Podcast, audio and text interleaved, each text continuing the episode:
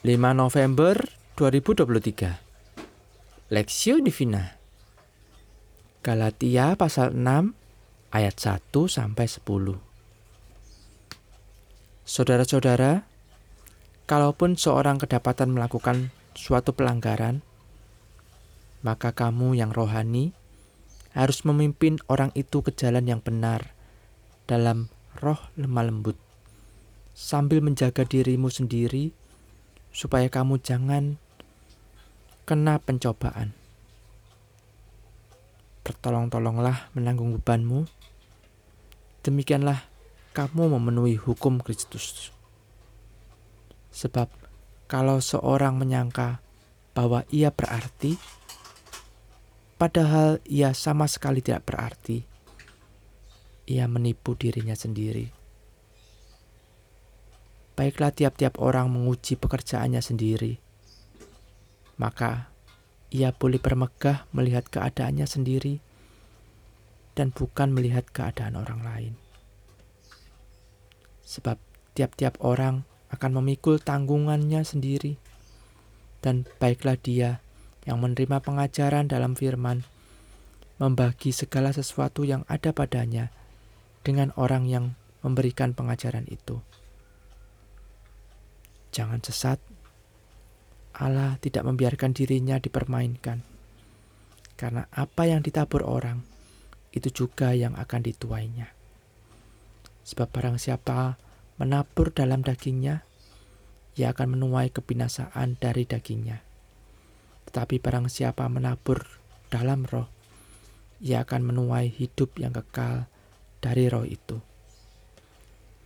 Janganlah kita jemu-jemu berbuat baik, karena apabila sudah datang waktunya, kita akan menuai jika kita tidak menjadi lemah.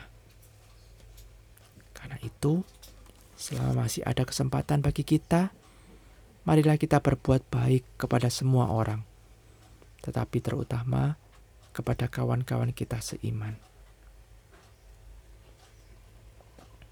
Saling membantu perspektif.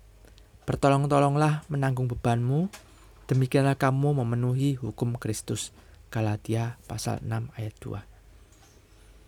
Dalam satu buku komentar Alkitab yang ditulis David Platt dan Tony Merida, penulis menemukan tulisan saya mengingat kisah tentang seorang pendeta di New York.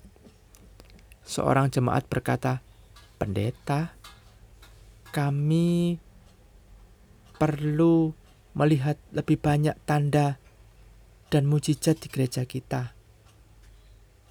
Kami lihat masih kurang tanda dan mujizat. Pendeta itu menjawab, "Bu, di sana duduk seorang wanita bersama anak-anaknya yang telah diusir dari apartemennya.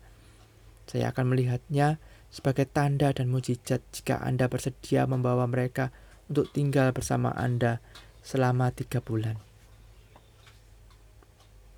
Membaca perikop ini tidak dapat dipisahkan dengan pasal sebelumnya ketika Paulus membahas betapa pentingnya bagi kita untuk hidup oleh roh kudus. Pasal 5 ayat 16. Dan hidup dipimpin oleh roh kudus. Pasal 5 ayat 18 dan ayat 25. Berbagai jenis orang dapat meresponnya dengan cara yang berbeda-beda. Bagi kita yang lebih devosional, ini berarti hidup yang dipimpin oleh saat hidup yang dipenuhi oleh saat teduh yang indah dan intim bersama dengan Tuhan. Bagi kita yang lebih terarah dan hal-hal supranatural, ini berarti hidup yang dipenuhi oleh pengalaman iman yang karismatik. Bagi kita yang selalu mencari mujizat dan tanda, ini berarti hidup yang dipenuhi oleh tanda-tanda mujizat ilahi. Perikop ini menawarkan alternatif bagi kita untuk hidup dalam roh. Ini berarti kita dipanggil dan dipimpin untuk menghidupi iman dan percaya kita secara nyata dalam sebuah komunitas yang alkitabiah. Hidup kita yang rohani, ayat 1, adalah hidup yang saling menolong untuk menanggung beban di dalam Kristus. Ayat 2. Apabila kita menemui ada seorang ada saudara kita yang sedang dalam kegagalan, tugas kita bukanlah untuk menghakimi dan menghukum mereka. Di dalam dan dengan kuat Roh Kudus, seharusnya kita menolong mereka, saling tolong untuk menanggung beban mereka sama seperti teladan Tuhan kita Yesus Kristus yang sudah datang ke dunia untuk merendahkan dirinya dan berkorban untuk menebus kita dari dosa. Paulus mengajak jemaat Galatia untuk secara praktis hidup dalam roh, sehingga kita bisa saling tolong-menolong dalam memulihkan. Ayat 1. Menanggung beban. Ayat 2 berbagi kebenaran firman.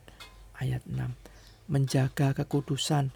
Ayat 7 sampai 8 dan berbuat baik bagi sesama. Ayat 10. Studi pribadi. Siapakah kita hidup dipenuhi? Siapkah kita hidup dipenuhi oleh Roh Kudus dan berbuah di dalamnya? Kiranya Roh Kudus menolong kita dalam mengambil keputusan hidup. Pokok doa, berdoalah minta Roh Kudus memimpin kita untuk menghidupi iman dengan mewujudkannya dengan saling menolong antar sesama kita.